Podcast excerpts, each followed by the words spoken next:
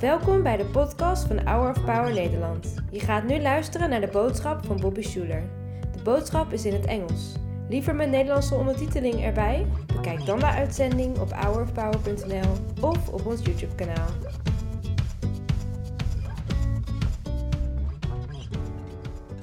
Free time is such a precious gift. And there are so many companies and groups of people that want to take your free time. Anybody feel that sometimes? The boss who calls you after work or on the weekend, maybe it's your kids, maybe it's a stranger who's maybe talking a little bit too long. There are people who, when they start to take away your free time, you start to feel a nagging worry on the inside that this precious thing that you have so little of is being whittled away. And yet, in this modern world, very often when we have a little extra free time, the first thing we do is reach for the phone Facebook, Instagram, TikTok, or we reach for the remote control. Let's watch a good show for four hours or we click on YouTube or funny memes. There is nothing wrong with any of that. But a fair warning to everyone when we feel anxious about somebody who takes an extra five minutes of our free time and then we give three hours to TikTok, something is wrong. Can we say today, let us use free time to get the life you want rather than escape the life you have? I think that time and planting time as you would plant a seed is a wise thing to do, actually. We understand that with money, you take a little bit of your money, not all of it, but a little bit, and you invest it or you plant it, and you'll get it back with a return.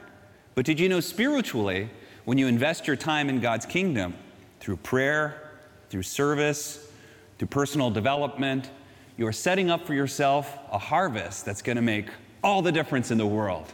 Use your free time to the best that you can to get the life you really want rather than escape the life you have. God offers a heaven like experience to those who are willing to put in the effort to be a disciple. The word disciple means trained one. Training is something you do every single day. So maybe this is something you want. Maybe there is a gap between the life you have and the life you want.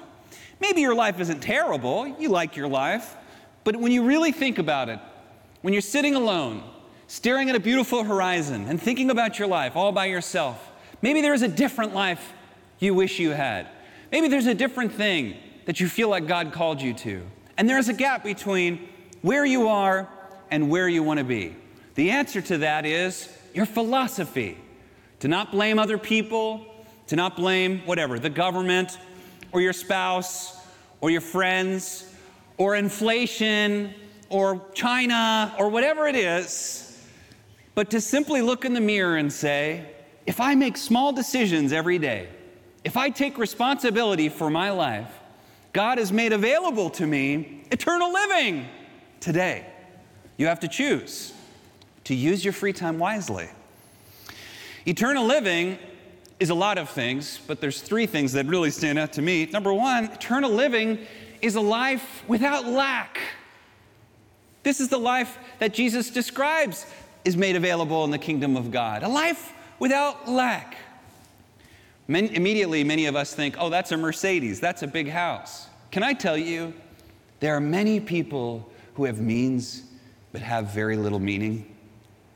There are a lot of people in this city, a wealthy city, that have all the things that everybody else wants, but they don't have any meaning. They don't, still don't feel fulfilled.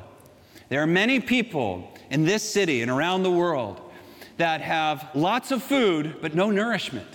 There are a lot of people in the world that have lots to drink, but are still thirsty. There are a lot of people who do a lot of things, but feel like their life isn't going anywhere, that it isn't productive. A life in the kingdom of God is a life without lack. It's a life described in Psalm 23, a life as a sheep on green pasture, You know what that is, right?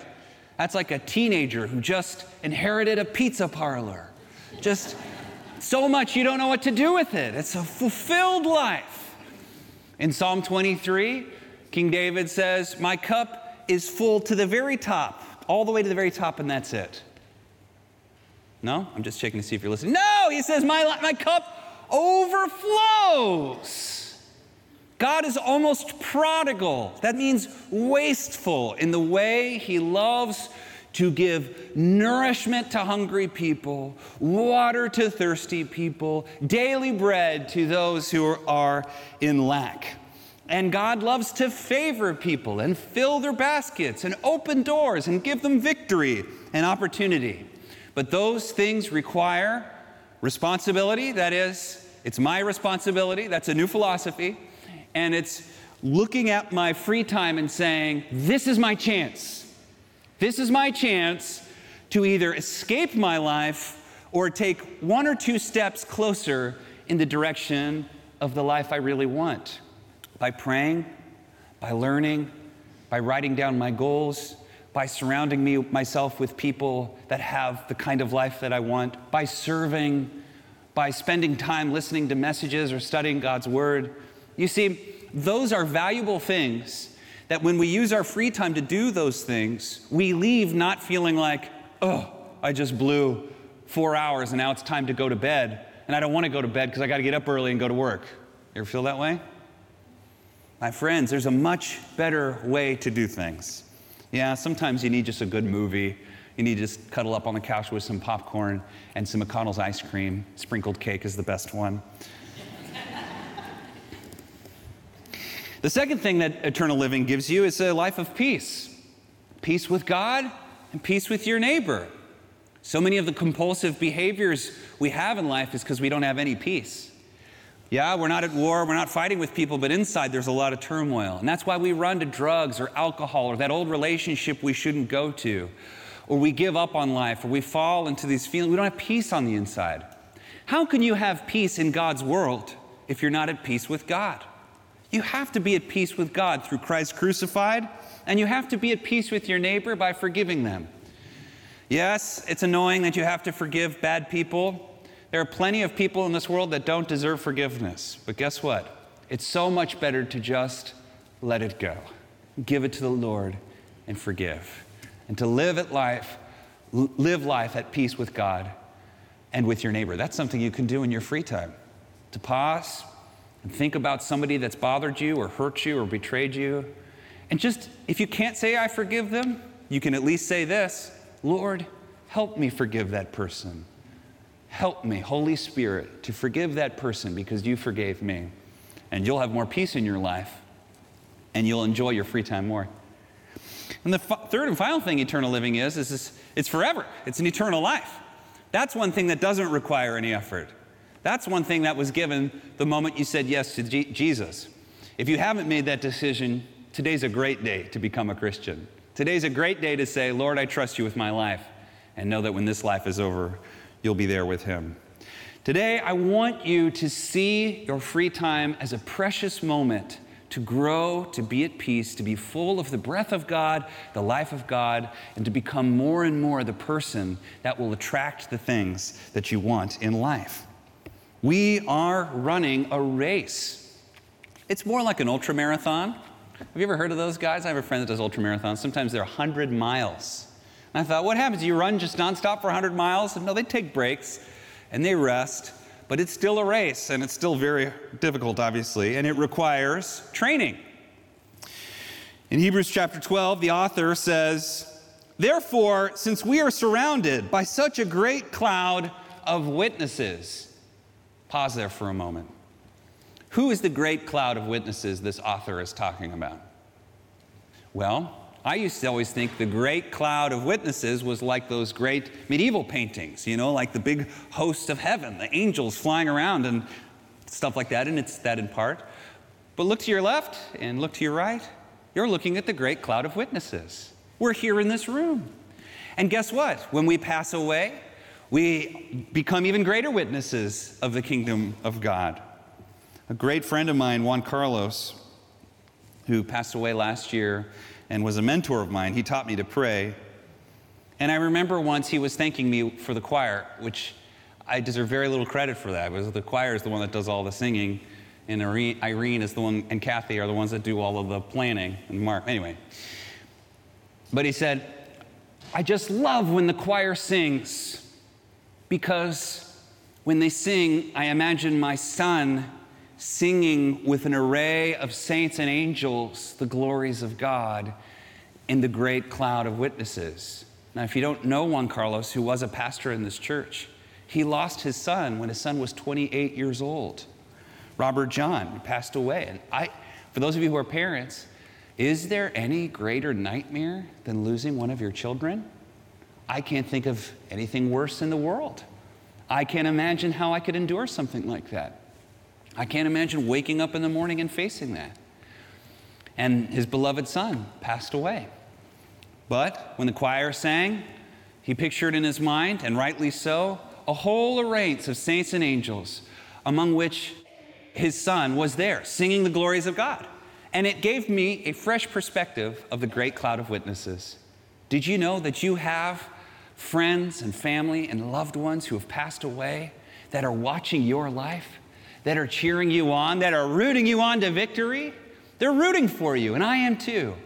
And when you get to that place, you'll be able to give them a big hug, and we'll be able to talk about some of the amazing stories and things that God did in your life. It's an interesting thing being a pastor of a church. It's an honor that, really, that um, our church has a lot of uh, older folks and experienced folks. I, I'm always surprised the types of educated and experienced people that will give 30 minutes to listen to a guy like me just talk and even make stupid jokes sometimes. But part of the sad thing about that, about that is I feel like I've learned a lot from my friends, but most of my friends are much older than I am. And so at 41, I'm experiencing what a lot of people experience in retirement, which is the loss of good friends, like the loss of Juan Carlos. You, you, you experience a lot of loss, and, it, and to be honest, it can be painful at times that some of my best friends are in their 70s and 80s, and some of them have passed away, and it's, it's just something you're not, you, I would, didn't think I would experience. But it's a comfort for all of us to recognize that those friends that prayed for me so often, those friends who poured into me and spent time with me, that although they've passed on, they're rooting for, for me and they're rooting for us as a church and they're watching us. They're cheering us on. Isn't that encouraging?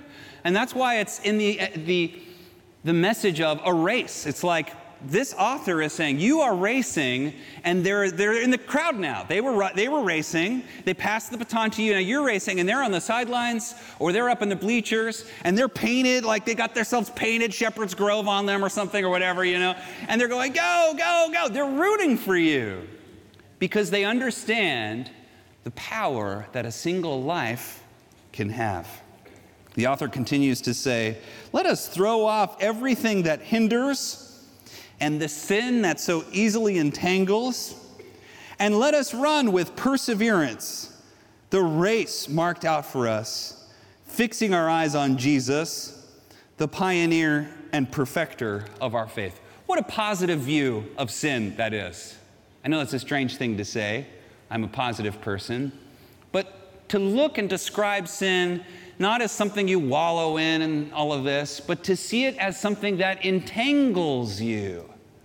Entangles you. That when your life is full of bitterness towards your neighbor, unforgiveness, gossip, greed and hoarding, avarice, never giving to anyone, never serving, never helping, always angry, always never trusting, always fearful.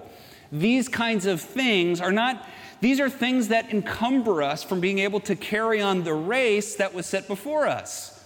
Don't let it entangle you. For the joy set before him, this is Jesus, he endured the cross, scorning its shame, and sat down at the right hand of the throne of God. Consider him who endured such opposition from sinners that you will not grow weary and lose heart. Looking to the cross reminds us of the resurrection. In God's kingdom, there is no cross without a resurrection. Jesus, who laid his life down for us, also bore in us first fruits, and it was worth it. It was totally worth it for him to lay down his life. We forget, or first I should say, often we remember how painful the cross was. We think of the physical pain, but too often we forget the shame of the cross. Did you know when people were crucified by Rome, that is, men, women, and yes, children, when those children, women, and men were crucified, they were not up on a high cross like we see in so many movies. The Roman law said they had to be hung on a cross at eye level. So when Jesus was hung on a cross, he wasn't up there, he was face to face with the people that were passing by. And it was usually on a road, and they were naked. So you'd had the Son of God, the greatest person who would ever live, not high and esteemed, and, but face to face. And most of the people just walked by while they watched God being killed by man. The author of Hebrews tells us, but look at the reward of that shame, right? How many of us are too embarrassed? There's too many things between us and what God has called us to. We're so worried. So change your philosophy today. Your philosophy is perfectly designed to give you the results you're getting. Yes, that sounds harsh. I'm not saying that to judge anyone, I'm saying that to encourage you.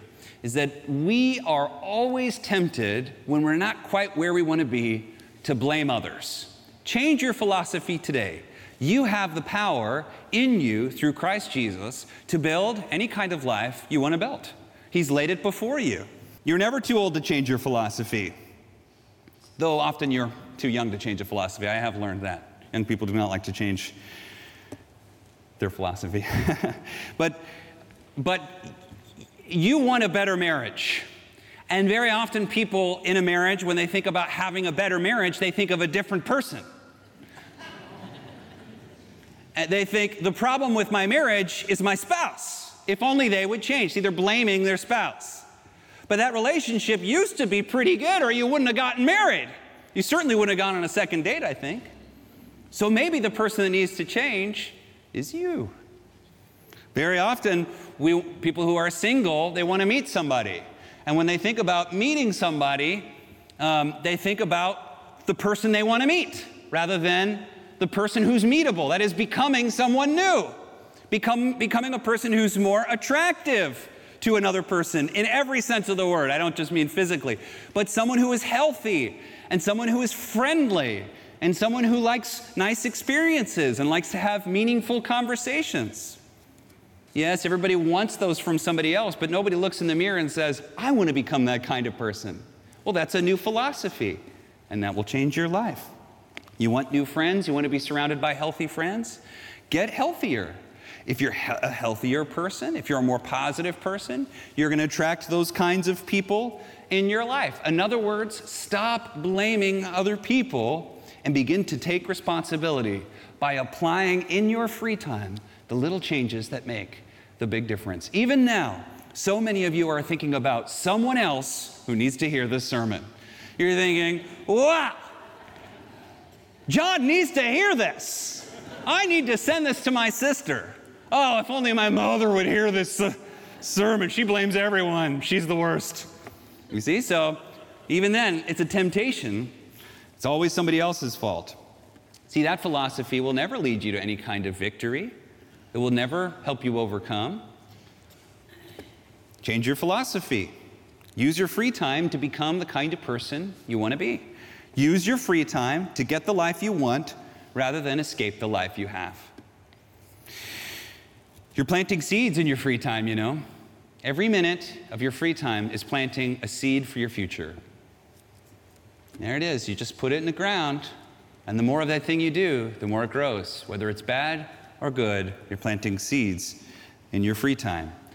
Sometimes it's training, but training, that tough thing you do today, training, Craig Groeschel says, is doing what I can today to enable me to do even more tomorrow.